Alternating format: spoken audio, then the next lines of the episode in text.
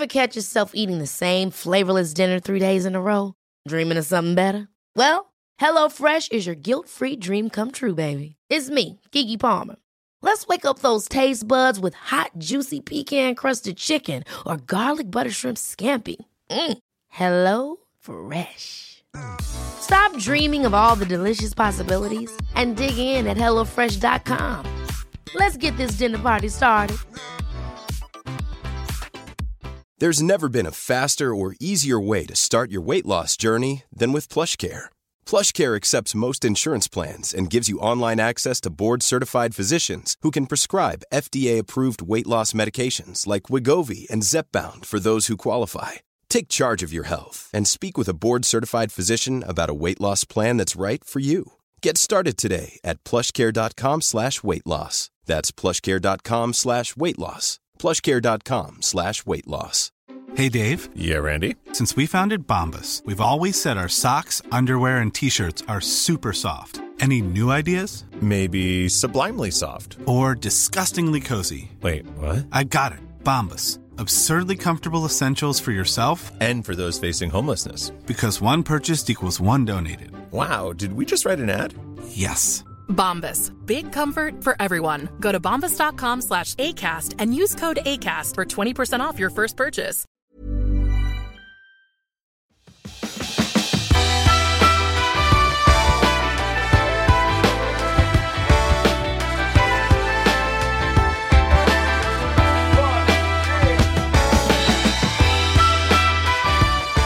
Hej och välkommen till Klimakteriepodden med mig, Åsa Melin.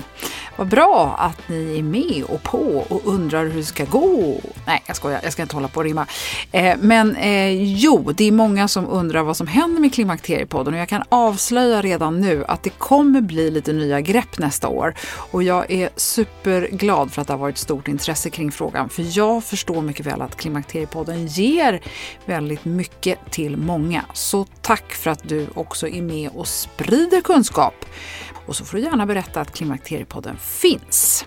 För jag är helt säker på att det finns ett avsnitt för alla oavsett kunskapsnivå, ålder, stadie i klimakteriet och faktiskt kön.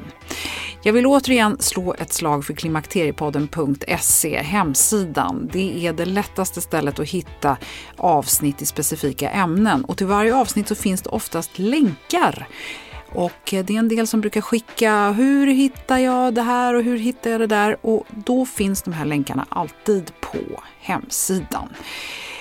Och Eh, det kan också finnas avsnitt i samma ämne som vi refererar till där. Så ja, det finns alltid lite extra intressant läsning där. Klimakteriepodden.se alltså. En sak som jag har lärt mig är att ni är ett stort gäng som verkligen uppskattar personliga berättelser.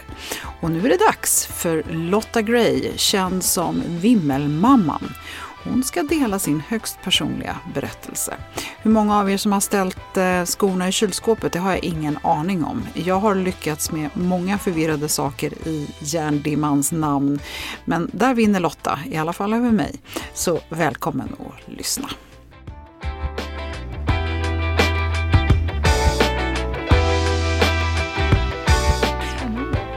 Varmt välkommen till Klimakteriepodden Lotta Gray. Tack så hemskt mycket Åsa, det var fint att få vara här. Ja, ja, och det är ju lite roligt för att eh, jag tror att många kanske känner igen dig som Vimmelmamman snarare än Lotta Gray. Kan det vara så? Ja, det tror jag. Jag tror att det är ett namn som jag kom på för ja, 11-12 år sedan och tyckte det var så fint med det. Var mycket M. det var, så var det ganska kort och så sa du precis vad jag gjorde. Jag jobbade med Vimmel då och jag är mamma. Så jag tänkte Vimmelmamman är väl ett jättebra namn. Ja. Och det, när du pratar om Vimmel så är det när du jobbade som redaktör eller journalist kan man väl säga, för det är det du är i botten på Se och Hör, Precis, jag jobbade där i 19 år eh, och gjorde framförallt Vimmel som var min, min primära liksom, arbetsuppgift egentligen, att bevaka alla evenemang och fester, invigningar och fantastiska 19 år måste jag säga. Ja, du har varit mycket röda mattor med andra ord. Proffs på att dricka champagne på arbetstid. Oh, wow. Ja, oh. Inte så ska man inte säga, för man får inte dricka alkohol på arbetstid, men ett och annat glas har väl slunkit ner. Ja, jag förstår det. Du Lotta, sen så var det så att eh, du 2008 fick diagnosen tjocktarmscancer och vintern, eller vinter i P1 2010 var du, outade du det här kan man säga. Och sen så blev du liksom lite en cancerdiagnos, får man säga så? Ja, men jag tror att jag började ju med att jag åkte in på sjukhus eh, och då hade jag min blogg och då skrev jag att jag var sjuk såklart. Det gick ju inte att mörka det. Eh, och då blev ju bloggen, då tog den liksom fart. Och så var det ganska mycket tidningar som skrev om den och la ut länken, så då blev den ganska stor. Och det var ju liksom aldrig min tanke från början. Det, den hade inget syfte att bli stor, jag bara skrev den som en dagbok och så blev den sådär stor. Och så har jag fått alla de här priserna som Årets tarmcancerpris, eh, Årets Örebroare och när jag fick Årets tarmcancerpris så sa min mamma, men är du bäst i Sverige på att ha cancer nu? Jag sa nej mamma, det är inte riktigt så det funkar. Men för att återgå till din fråga så är det väl lite så att jag har liksom blivit någon slags tarmcancerns ansikte. Och jag vet att min granne Martin sa till mig att är det här någonting som du verkligen vill? För det är någonting som du kanske måste bära med dig framåt, att alltid vara förknippad med cancer oavsett om du blir frisk eller inte. Och då har jag tänkt säga att ja, men då får väl jag ta det oket då i sådana fall. Men jag upplever inte att, att, att folk bara förknippar mig med cancer. Jag pratar väldigt mycket om cancer. Det är ju, jag är friskförklarad nu sedan 2012, så det är länge sedan. Men jag är ju så mycket mer än min cancer. Jag är liksom mamma och syster och väninna och, och, och, och är, har ju många bottnar förutom min cancer. Så jag tror och hoppas att jag inte är tarmcancer Lotta med hela Sverige. Och, och, om jag är det så får jag, så får jag väl bära det oket i sådana fall. Ja, men Lotta, du skrev ju också en fantastisk bok eh, som hette Himlen kan vänta. Mm. Och i samband, för i samband med den här cancerdiagnosen så händer det ju väldigt mycket i ditt liv. Och, och vill du berätta lite grann om... Mm. Ja, men då när jag fick cancer så, dels så hade jag ju Lennox som var två och ett halvt år då. Han var ju väldigt liten och sen så var jag gift och bodde i det här fantastiska sekelskiftshuset med punschträdgård, eller punschträdgård, punschveranda och trädgård. Och spröjsade fönster och kakelugnar och äppleträd och knarriga vita golv wow. och sekel... Ja. ja Hela jag, drömmen, lilla familjen. Ja, det som jag älskar. Eh, och där var jag gift. Eh, gifte mig 2007. Och sen så blev jag sjuk eh, 2008.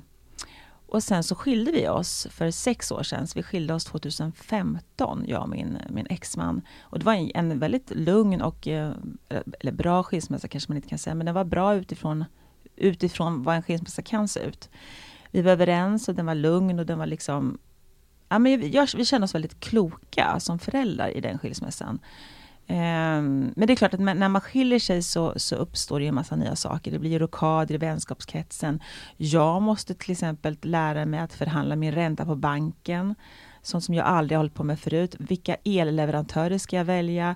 Alltså sådana saker som kan se självklara, men som jag i 15 år aldrig har hållit på med, för det har min exman gjort. Jag har gjort andra saker.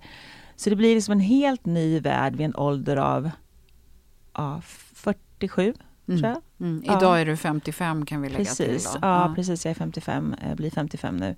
Så det, det var en ganska liksom, tuff... Det var tufft tyckte jag. Liksom. Inte att vi skilde oss, men mera det som kom med skilsmässan. Allt det här ansvaret för den här åldern. Man börjar bli lite tröttare, man är inte lika vaken, man kommer in i klimakteriet, vilket också påverkar en väldigt mycket och gör att man får lite så allmän hjärndimma förutom att man liksom, ja men med åldern blir liksom lite mer, mer trött, mm. upplever jag. Berätta, när man går igenom tjocktarmscancerbehandling, eh, hur fungerar det med medicineringen? Påverkar det hormonerna på något sätt? Nej, inte vad jag har förstått. Eh, inte alls vad jag har fått höra. Utan det är liksom jag, man tog bort 80 cm av min tarm. Eh, man opererade min lever året efter när man tog bort metastaserna i levern. Och sen fick jag cellgifter i ett halvår. Så det är det jag har. De, de, dels radikalkirurgi då förstås och en cellgiftscytostatikabehandling. Eh, men inte att det har något att göra med några hormoner. Inte som jag har hört eller läst mig till. Nej. Och sen hur, hur liksom gå från sjuk till frisk till klimakteriet. Hur såg den resan ut? Eh, ja, men jag hamnade i klimakteriet eh, ungefär när jag var 49 kanske. 50. Eh, 49 var jag nog och min mamma var väldigt tidig. Blev, har, min mamma har varit väldigt påverkad av klimakteriet och, och gick in i klimakteriet som 46-åring och det är ganska tidigt som jag har förstått. Jag var något senare, 49-50.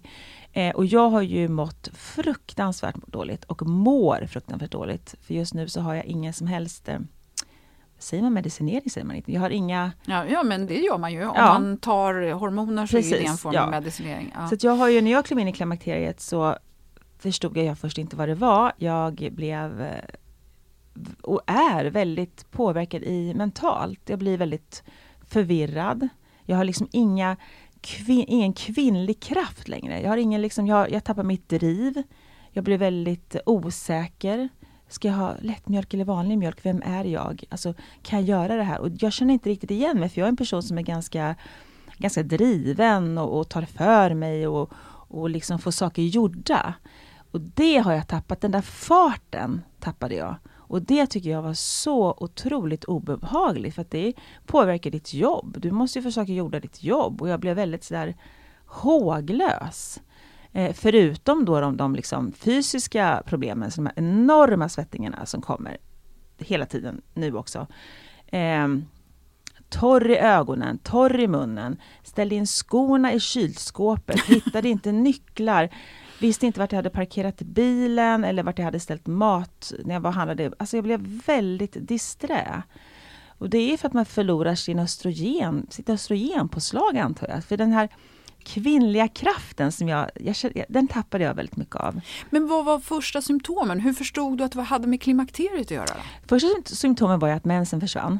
Alltså det gick först. Ja, det var först. Eh, och då blev den ju lite så här hoppig, minns jag. Eh, och sen blev den liksom eh, mindre blod, mera brunblandad sörja. Nu är jag väldigt typiskt mig, jag har jobbat inom vården, så jag är ganska så här obrydd Ja, nej men i Klimakteriepodden är vi vana att prata Ja, om men sånt bra. här. Jättebra. Ja, men någon slags brun, brunaktig sörja och som blev mindre och mindre och lite så här kornig. Eh, tills mensen försvann. Och då någonstans där sam, samtidigt så blev jag liksom, började få de här symptomen, svettningarna, sov jättedåligt på nätterna, blev låg, eh, låg i, i humöret, blev humörsänkning och lite osäker. Det är väl det jag har tyckt var jobbigast, den här osäkerheten, den här ängsligheten. Och det som jag upplever med klimakteriet är också, vad är vad? Vad är en, eh, att man har det jobbigt på jobbet kanske, man har en, en eh, man har kanske har problem i sitt, i sitt samliv, nu har jag varit singel i hundra år. Men alltså det finns ju en massa saker som händer med oss äldre kvinnor. Eh, vår livssituation förändras när man skiljer sig. Vad är vad? Vad är klimakteriet och vad är någonting annat? Det är också supersvårt att veta. Mm. Jätteproblem att veta när man ska pilla i de här sakerna. Men hur navigerade du i den här första eh, ja, fasen då? Just framförallt när du, ja, i början där när du kände dig låg och tappade kraften och Ja, men jag- energin. och, tror att jag är ju en person som är väldigt googlig av mig och, och oftast hit, vill hitta saker, vill veta saker. Eh, var jag hade cancer så liksom eh, blir jag liksom som min egen projektledare. Så jag googlade och letade och förstod ju att det här förmodligen var klimakterie eh, symptom i och med att mensen försvann och att mamma hade kommit till klimakteriet. Så tänkte jag, men jag är ju 50, det är klart det är det. Och eh, skaffade hjälp. Fick, eh, gick till min gynekolog. Fick eh, plåster, mm. östrodot, Estradot. estradot, Ja, just ja, det. Ja, Eh, och fick ju då mycket, mycket minskade besvär. Kanske försvann, men 70% försvann nog. Inte helt borta, men absolut en förbättring. Mådde bättre, blev lite mer vaken, eh, lite mer fokuserad, lite mer skärpt. Kom tillbaka till den gamla Lotta. Eh, ja, men nog 70 Eh, och, och de gick ju jag på i, i, i kanske tre, fyra år. Sen så satte jag in en spiral för att minska, eh, minska problemen ytterligare. En, ja, men en spiral, mm. precis. Mm. Iho, Hormonspiral. ja, ihop med de här plåstren. Men jag fick så mycket melasmapåslag som man tror. Alltså melasma, alltså, alltså mörka pigmentsförändringar på överläppen, under ögonen. Och då tror man, eller då tror min hudläkare att det är den här eh, som triggar igång. Att det kan vara plåstren som triggar igång eh, den här melasmaproduktionen. Eh, så då tog jag ur spiralen och slutade med plåstren för kanske ett halvår sedan ungefär. Mm. Så nu har jag ingenting och blev ju så påverkad direkt. Som ett brev på posten Ah. så kom allt det här tillbaka, värre än någonsin. Så nu är det så här att jag, alltså jag, jag sover nästan ingenting på nätterna. Jag får såna enorma tryckvågor som bara kommer med svett, det bara forsar i nacken. Jag blir alldeles blöt i ansiktet, jag ska stå och sminka mig, jag måste gå ut och öppna balkongdörren för det bara rinner och så försvinner det. Och de där kommer kanske ja, men tio gånger om dagen. Mm. De här och också den här enorma tröttheten. Och att man är så trött beror ju på att man inte sover. Mm. Och då vet man också heller så här, vad är klimakteriet och vad är att jag har sovit tre timmar i natt. Att, det- alltså det är väldigt svårt att pilla i. För det jag tänker är att jag kan inte, jag vägrar att må, må så här. Och jag har ju väldigt mycket dialog med kvinnor på min Instagram och på min blogg som säger, nej men så här är det, det här är någonting vi måste stå ut med.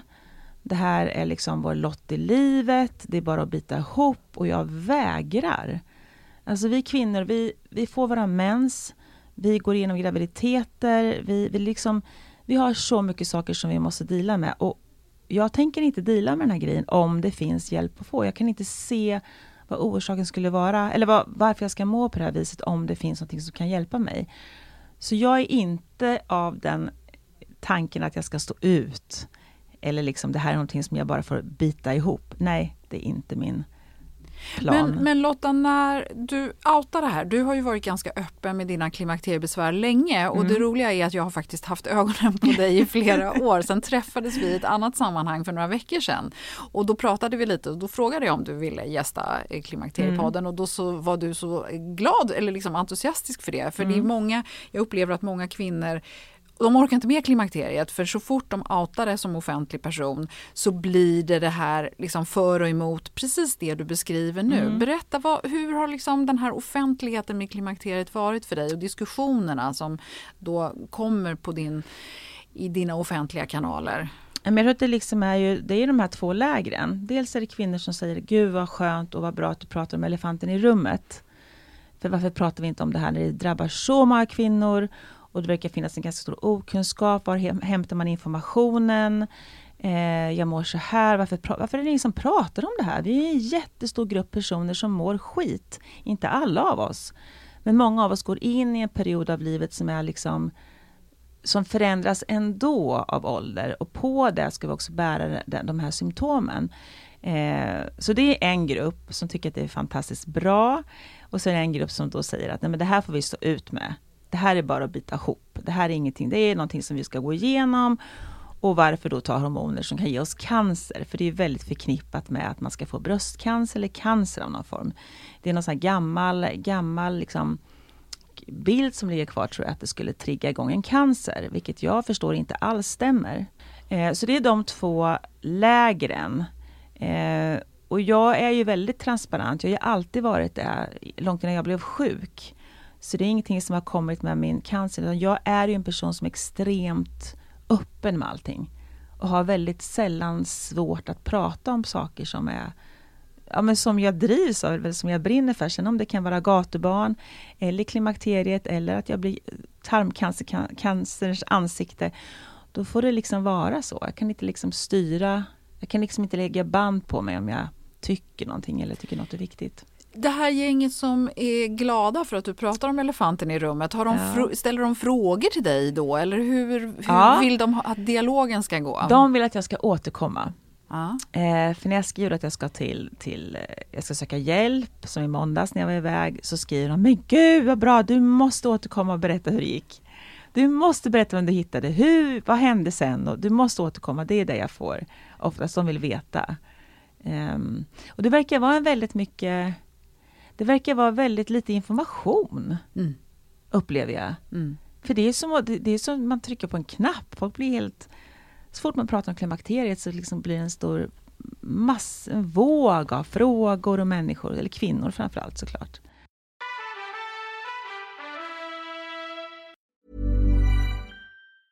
Ever catch yourself eating the same flavorless dinner three days in a row? Dreaming of something better? Well, HelloFresh is your guilt-free dream come true, baby. It's me, Gigi Palmer. Let's wake up those taste buds with hot, juicy pecan-crusted chicken or garlic butter shrimp scampi. Mm. Hello Fresh. Stop dreaming of all the delicious possibilities and dig in at HelloFresh.com. Let's get this dinner party started. Hey, it's Ryan Reynolds, and I'm here with Keith, co star of my upcoming film, If, only in theaters, May 17th. Do you want to tell people the big news?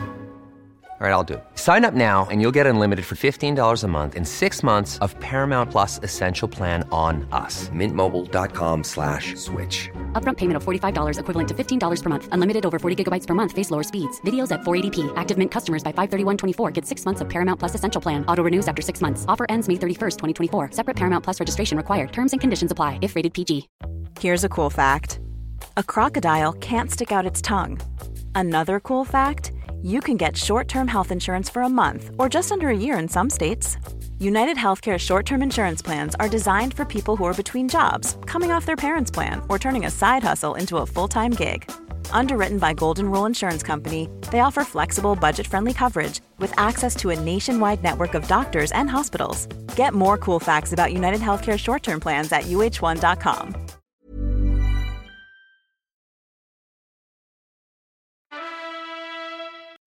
Nu har ju du och jag hållit på med klimakteriet ungefär lika länge. Vi är ju jämnåriga och eh, jag började med podden då för drygt fyra år sedan. Och när Mm. jag startade det här så var det ju väldigt mycket frågor. Och så här, varför måste du kalla det klimakteriepodden? Kan du inte kalla det för något annat? Mm. Och varför ska du verkligen hålla på med det där? Och va, alltså nej men Åsa, det där behöver man väl inte prata om offentligt och så vidare.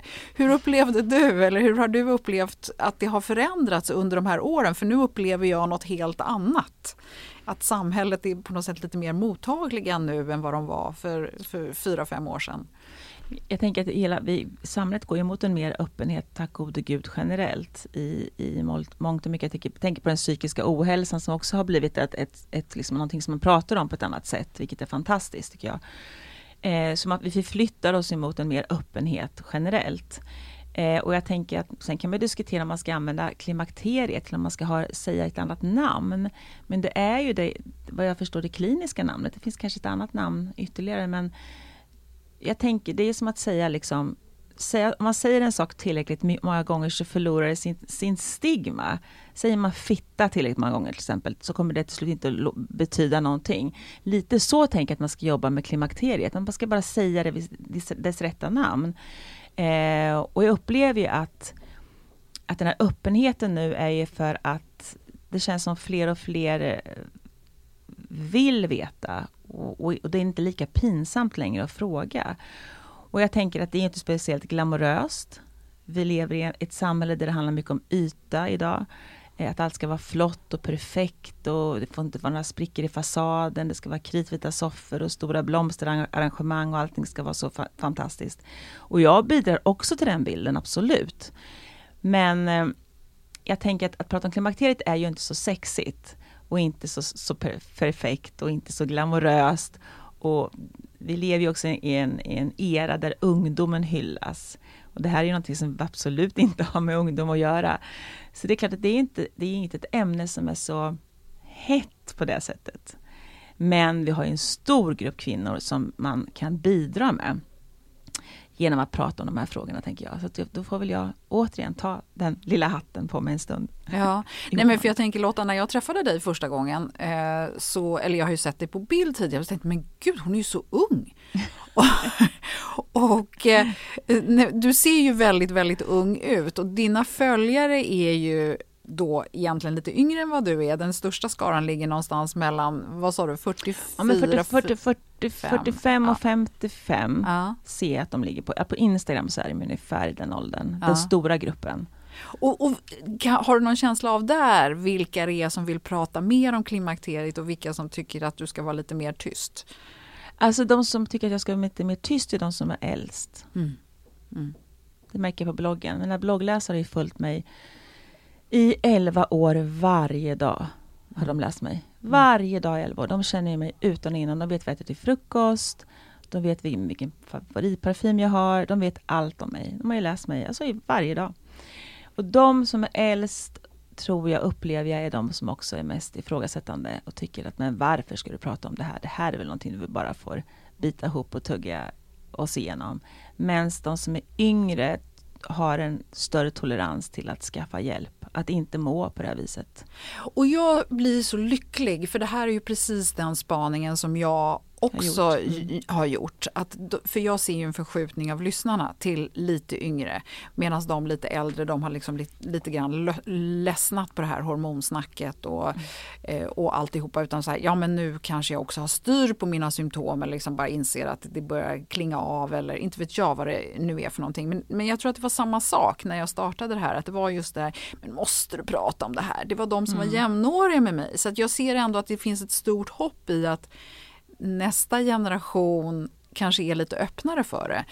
Eh, Lotta, jag vill liksom, det som jag tycker är intressant ändå är ju, har du liksom någon känsla av vad som driver dina symptom och vad som liksom gör dem bättre eller sämre eller när du får bättre styr på det? Ja, men när jag var hos den här kvinnan i måndag som var Mia som var fantastisk. Eh, hon hade skrivit en bok, Eva Eva Elmström. Ja, Tack! Hon har precis varit gäst i podden. Nej men gud vad roligt, för henne var jag hos ja. i måndags. Ja, hon var bra. så, ja, jag tyckte jättemycket om henne. Och då frågade hon ut mig en massa saker. Eh, ja, men hon frågade ut mig om mitt privatliv, om jag var singel, hur jag mådde. Alltså hon gjorde en sån här riktig, och då förstår jag när hon gjorde det att för henne så är det en, en hel bild av en människa. Eh, det kan ju vara andra saker som får mig att må så här. Det behöver inte vara klimakteriet. Det kan ju vara helt andra saker som gör att jag mår, att jag är så här trött eller liksom. Eh, och då sa ju hon, då sa hon om jag hade lagt om min livsstil, för det är någonting som man kan göra själv för att minska symptomen. Att man kan öka träningen, att man kan dra ner på skitmat, äta bättre, Eh, och jag är ju urdålig på de sakerna.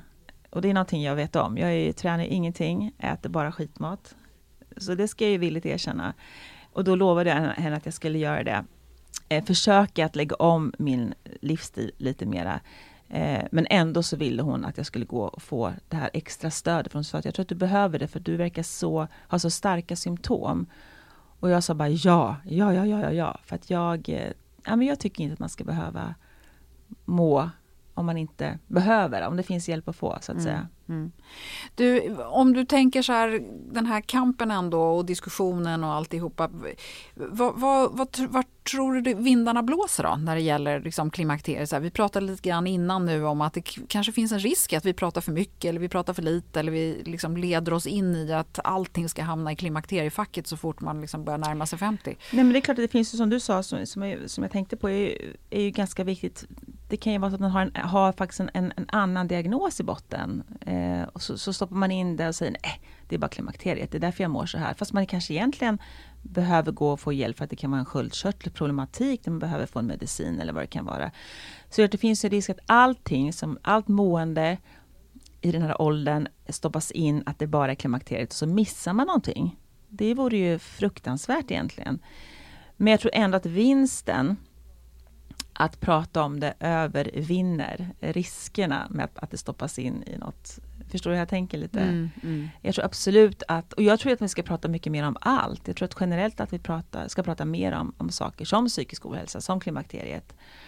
Som alla de här sakerna som man inte så mycket vill nämna. Och framförallt kvinnor i den här åldern som är ganska osynliga. Och ska liksom bara lida oss igenom det här. Eh, tycker jag väl att vi ska ännu mer försöka och, peta hål på den här elefanten och liksom ta upp den i, i ljuset. Mm, absolut. Mm. Ja, för jag tänker också att det blir ju ännu viktigare då att man kan faktiskt få hjälp av en person som kan reda ut vad som driver mm. vad. Mm. För att annars så kan man ju riskera att gå runt med någonting som faktiskt man bara stoppar i klimakteriefacket mm. fast det är någonting annat mm. som faktiskt behöver lite uppmärksamhet. Och därför så tänker jag ju i alla fall att jag hoppas så mycket på att klimakterievården kommer komma ikapp. Att vi alla som kvinnor får möjlighet att gå till en barnmorska som du hade och ha den här dialogen och liksom få en chans att faktiskt reda ut vad som är vad. Ja, men jag tänker också, nu är jag nu är jag ju trots mina besvär hyfsat driven. Alltså jag, jag är en person som letar på, och frågar runt och ställer frågor. Vart kan jag gå? Känner du någon? Och då fick jag ju kontakt med den här fantastiska kvinnan Eva. Men om man inte är sån, så ska man ju ändå få hjälp. Mm. Förstår du hur jag tänker? Det finns ja, människor absolut. som inte alls är är liksom så, så liksom nyfikna och vetgiriga och frågor som jag är. Och då kanske de inte får den här hjälpen. Och man ska ju, vi har pratat om den jämlika vården mm. generellt i Sverige. Och att den ska se likadan ut oavsett geografiska, vart man bor och, och vem man är och så. Så jag tänker att det är ju det verkar inte finnas mycket kunskap. Det verkar finnas de här få barnmorskorna eller gynekolog, gynekologerna som har den här kunskapen. Alla har ju inte det. Nej. Och då tänker jag att varför har de inte det? Mm. För det tillhör ju också hela spektrat av en kvinnas liv. Allt från mens till graviditet, liksom det inkluderar i hela den, hela, den, den kvinnliga delen av livet. Så måste ju klimakteriet också varför, vet, vet, du, vad beror det på? Jag är så förvånad. Nej, men jag inte... tror att mycket faktiskt kommer från att det finns mycket hål i vår vård. Det har vi ju pratat om väldigt mycket här i mm. Klimakteriepodden. Och sen så att det också finns en generell hormonrädsla som är också är driven av en rapport som kom i början på 2000-talet när man gjorde feltolkningar av huruvida östrogen gav bröstcancer eller mm. inte. Och eh, det gjorde att vi liksom också har en förlorad generation av gynekologer som liksom aldrig har jobbat med det här. De är i våran ålder dessutom.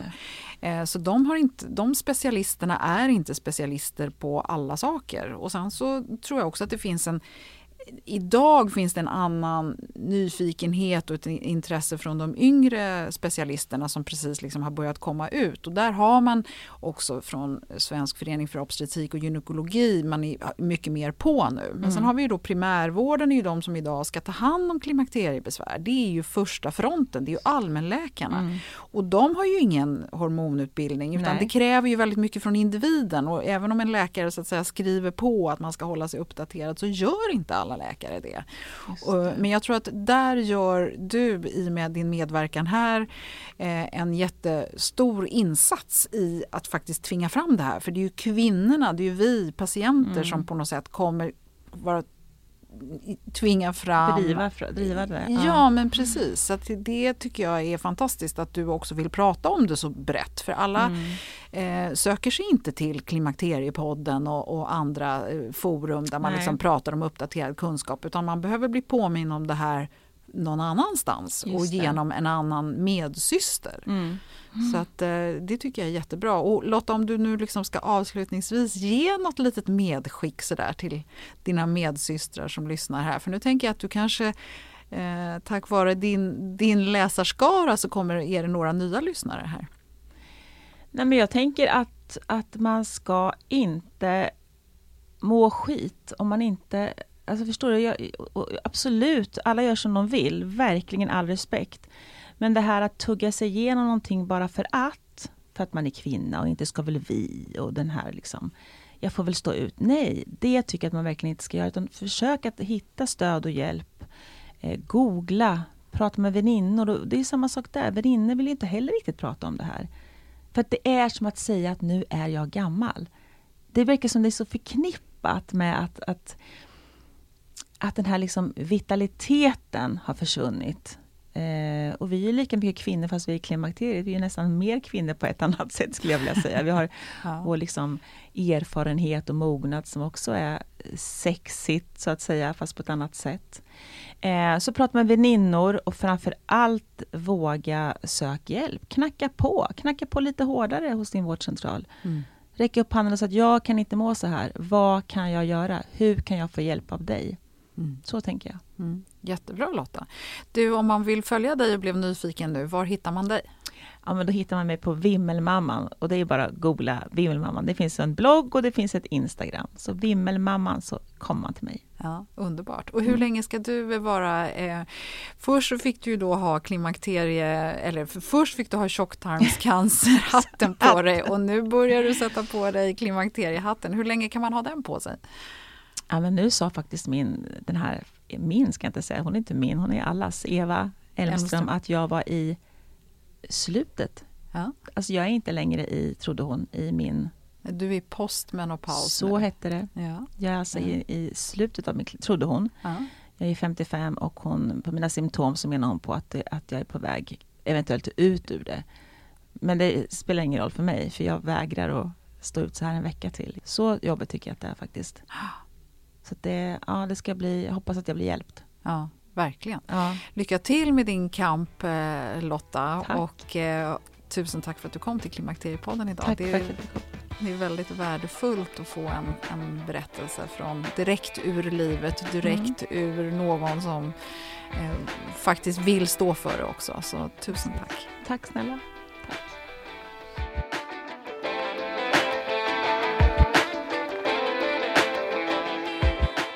Jag kan inte låta bli att tänka på hur många som famlar runt i okunskap på grund av ovilja att själva förstå eller ovilja att befatta sig med klimakteriet som företeelse. Jag vet inte om det är värre än att vara insatt och inte få gehör. Det är också väldigt intressant med alla kvinnor som fortfarande inte vill att vi ska göra annat än att bara bita ihop och tugga oss igenom, eller hur? Ja, hjälp dem, tänker jag, i en medsysters namn. Lyssna gärna på barnmorskan Eva Elmström som Lotta talar så gott om. Hon finns att lyssna på i avsnitt 203 och 204. Och hennes bok Handbok om klimakteriet ges ut av Gotia förlag och eh, den eh, har fantastiskt bra kunskap. Den är väl egentligen till för den som jobbar inom vården. Det är den som Eva har skrivit till i första hand, men den fungerar alldeles utmärkt för den vetgiriga kvinnan som vill lära sig mer. Och dessutom så kan du boka vårdbesök med henne digitalt genom vomni.se. Och eh, jag skulle också vilja slå ett slag för gruppen Stark genom klimakteriet. Där finns massor med trådar och diskussioner om hormoner och kvinnor som delar erfarenheter, kunskap och tankar samt kontakter. I nästa avsnitt så ska vi gå vidare med ett kärt ämne som vi inte kan få nog av. Gissa vad? Jo, hormoner såklart. För det är lättare än man kan tro att skapa hormonkaos. Vi har inte bara våra könshormoner utan det finns sköldkörtel, hypofys och stresshormoner och så ett gäng signalsubstanser på det. Så välkommen åter snart igen. Tusen tack för att du har lyssnat. Hej då!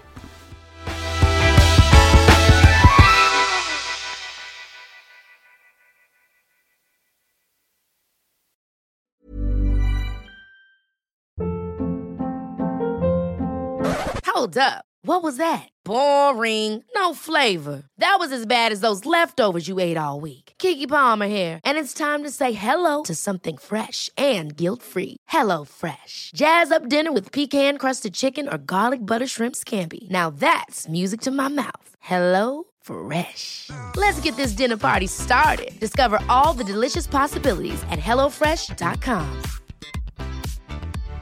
Hi, I'm Daniel, founder of Pretty Litter.